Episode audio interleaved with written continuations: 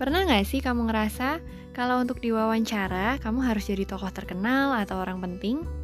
Pernah ngerasa pusing mengikuti isu-isu besar seperti perubahan iklim, perekonomian, hak asasi manusia, dan lain-lain karena bahasanya yang melambung ke langit?